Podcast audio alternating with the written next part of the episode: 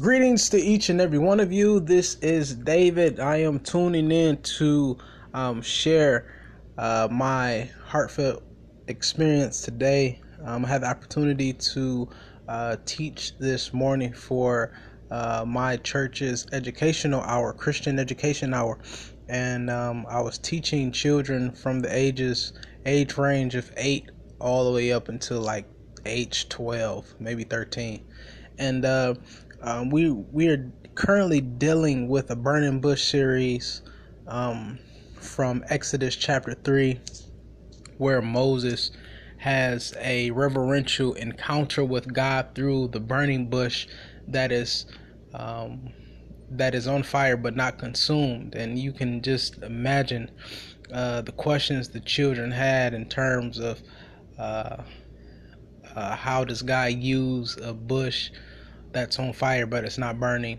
So I dealt with all of those questions. But we were dealing with uh, worship, and uh, we are having a interpersonal, um, uh, uh, interpersonal understanding of what it means to have a authentic relationship with God. So we were. Uh, I had the opportunity and I was blessed to be able to share uh, my nuggets of wisdom and experience and uh, little knowledge that I have in regards to worshiping. So we're dealing with Exodus chapter 3, as I said earlier. Moses, who is uh, at the time tending his father's flock of sheep, and he leads the sheep on the backside of the mountain, mountain of Horeb.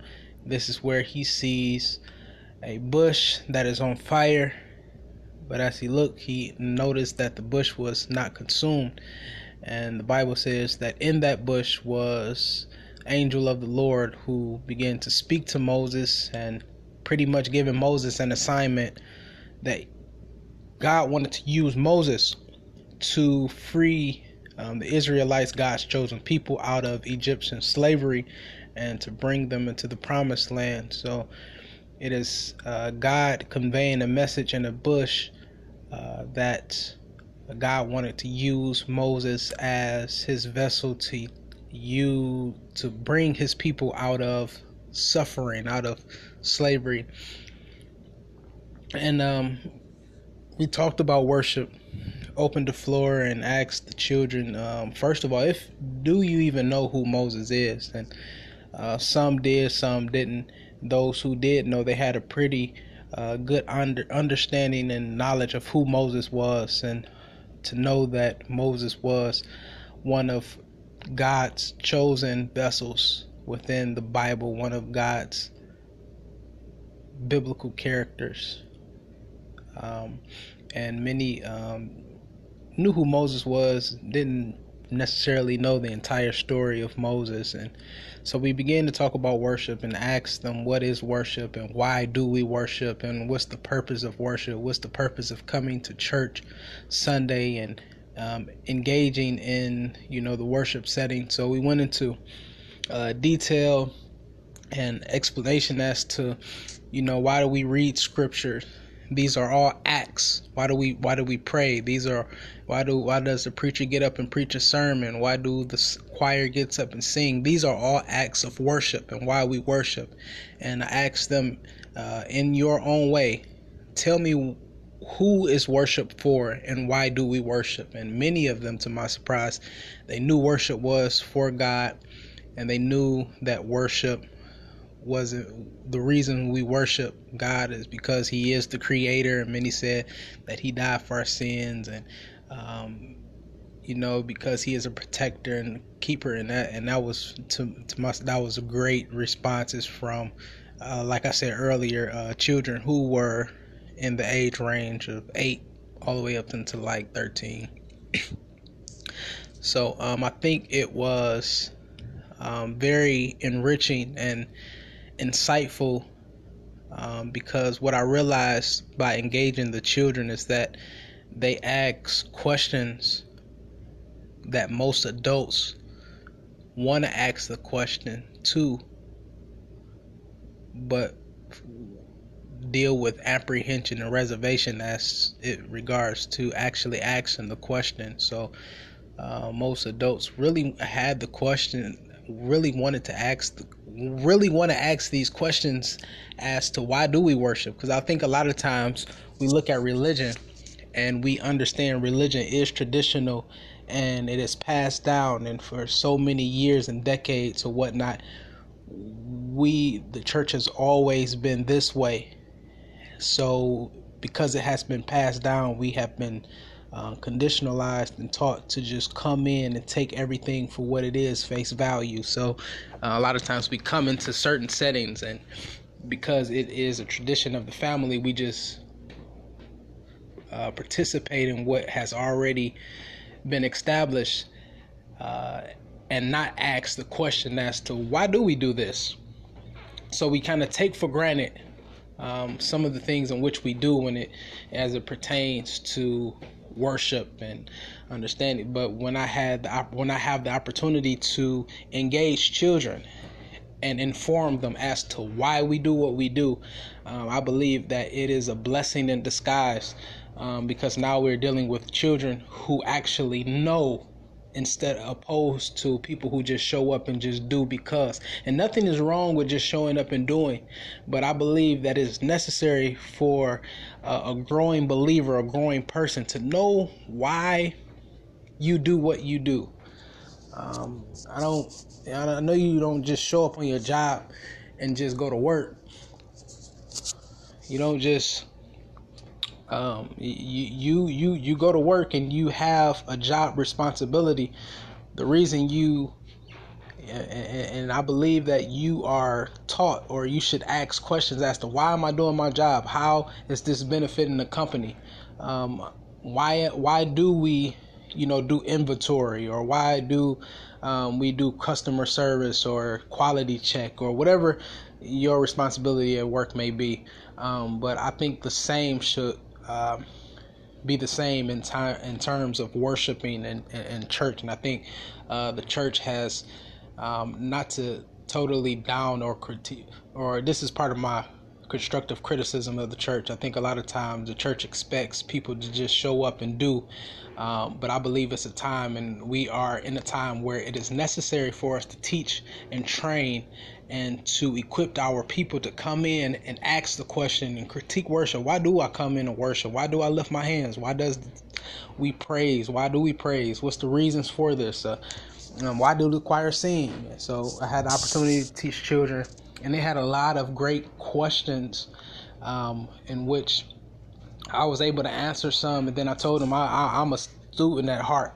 I've never stopped studying, so some of the questions I may not have answer answers to, and um, and so you, are gonna have to allow me to go home and do some work, uh, some homework, and come back and, and, give you the response. And you'll be surprised the questions in which children have out of the mouth of babes. They they are very inquisitive and have a lot of questions.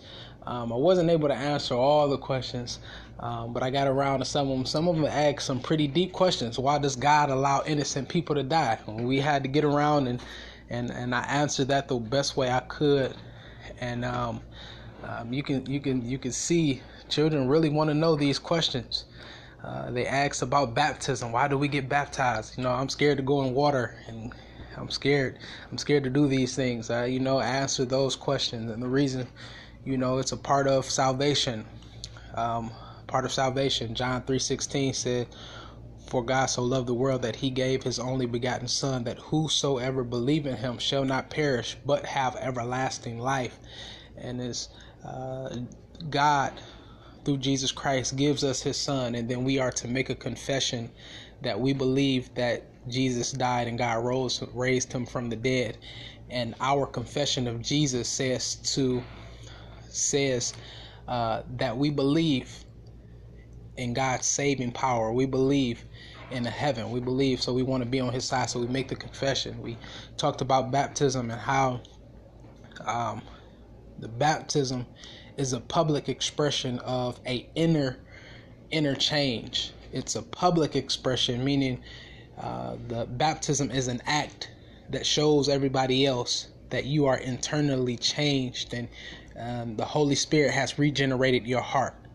Um, so we got into um, some of that, and we and, and one of the children asked me, "Why does God allow innocent people to die?" And uh, I can simply um, say that our minds do not match God's mind, and God is a God that has His own plan, His own agenda.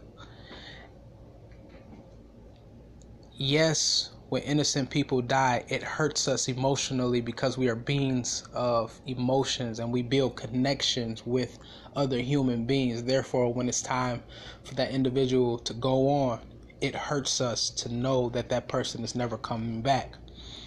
Um, but why does God allow that innocent individual to die? God's ways are not our ways, His thoughts are not our thoughts.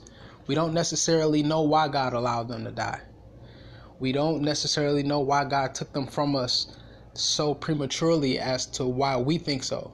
But as the human mind is limited and have uh, limited thinking, God ha- always has a plan as to why He does things. And even though we cannot uh, conceptualize it or we can't see it at first, or we, and maybe it's not meant for us to understand.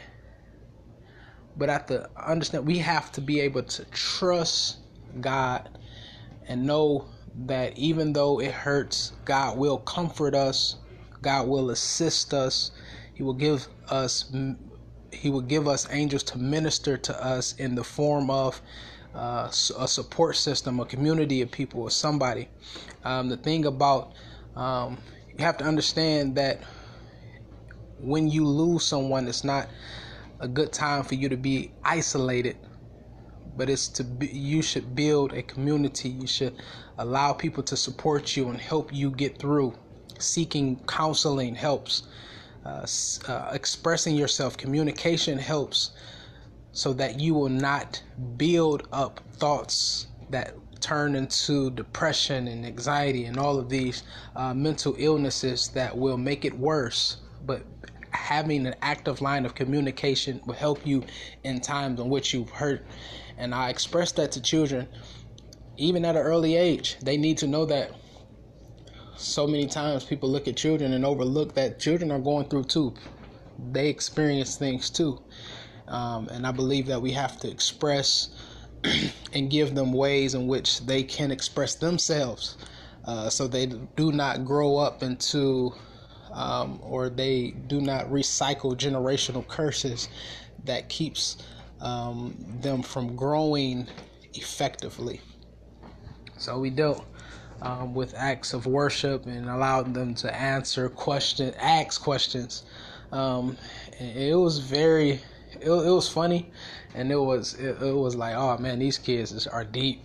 These kids are deep. They put me, they had me on the edge of my seat, but it was it was all to the glory of God. Um, but they were excited uh, to come and be engaged.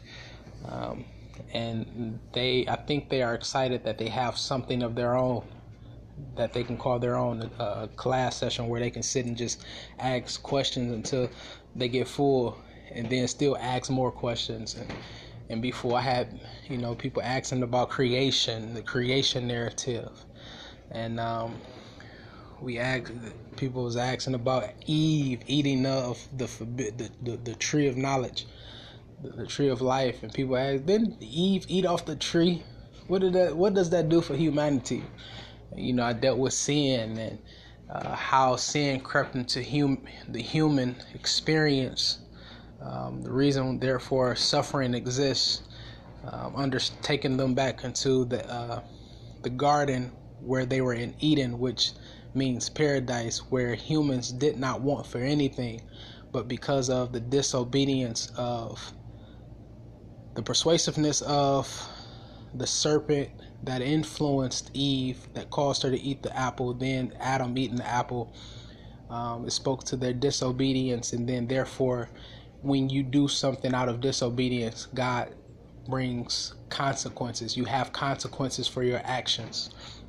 How does how how can we learn from this?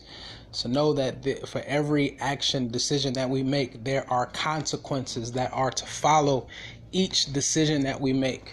God told them not to eat of this. They ate of it anyway. They were not excused. They were not pardoned. They had to suffer the consequences of the thing in which God told them not to do. It could have been worse, but God gave us suffering and pain, women pains, childbearing pains, and all of these things. So, you know, we we, we dealt we dealt. So I'm, I'm excited to grow small human beings and to see what comes. Um, I, uh, we dealt with creativity, and you can find creativity in the very first book of the Bible, Genesis, very first chapter, where it says, "In the beginning, God created."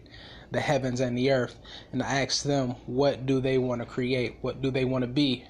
Uh, many of them gave me teachers and uh, police officers and gaming engineers and one said uh, he wanted to be somebody said they wanted to be a gymnast. Another person said they wanted to be a professional basketball player lawyers and all this type of stuff. So um, just showing them that uh, just as God created in Genesis chapter 1, God can create in your life.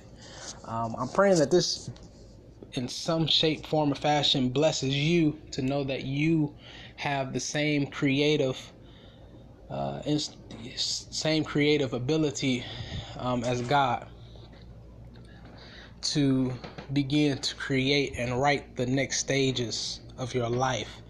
You're not too old, not too young to dream, and your dreams start with how you perceive them and how you think and the things in which you think become uh, a part of you, and you begin to uh, set goals and achieve those goals so that you may come and bring into manifestation that in which you want to be.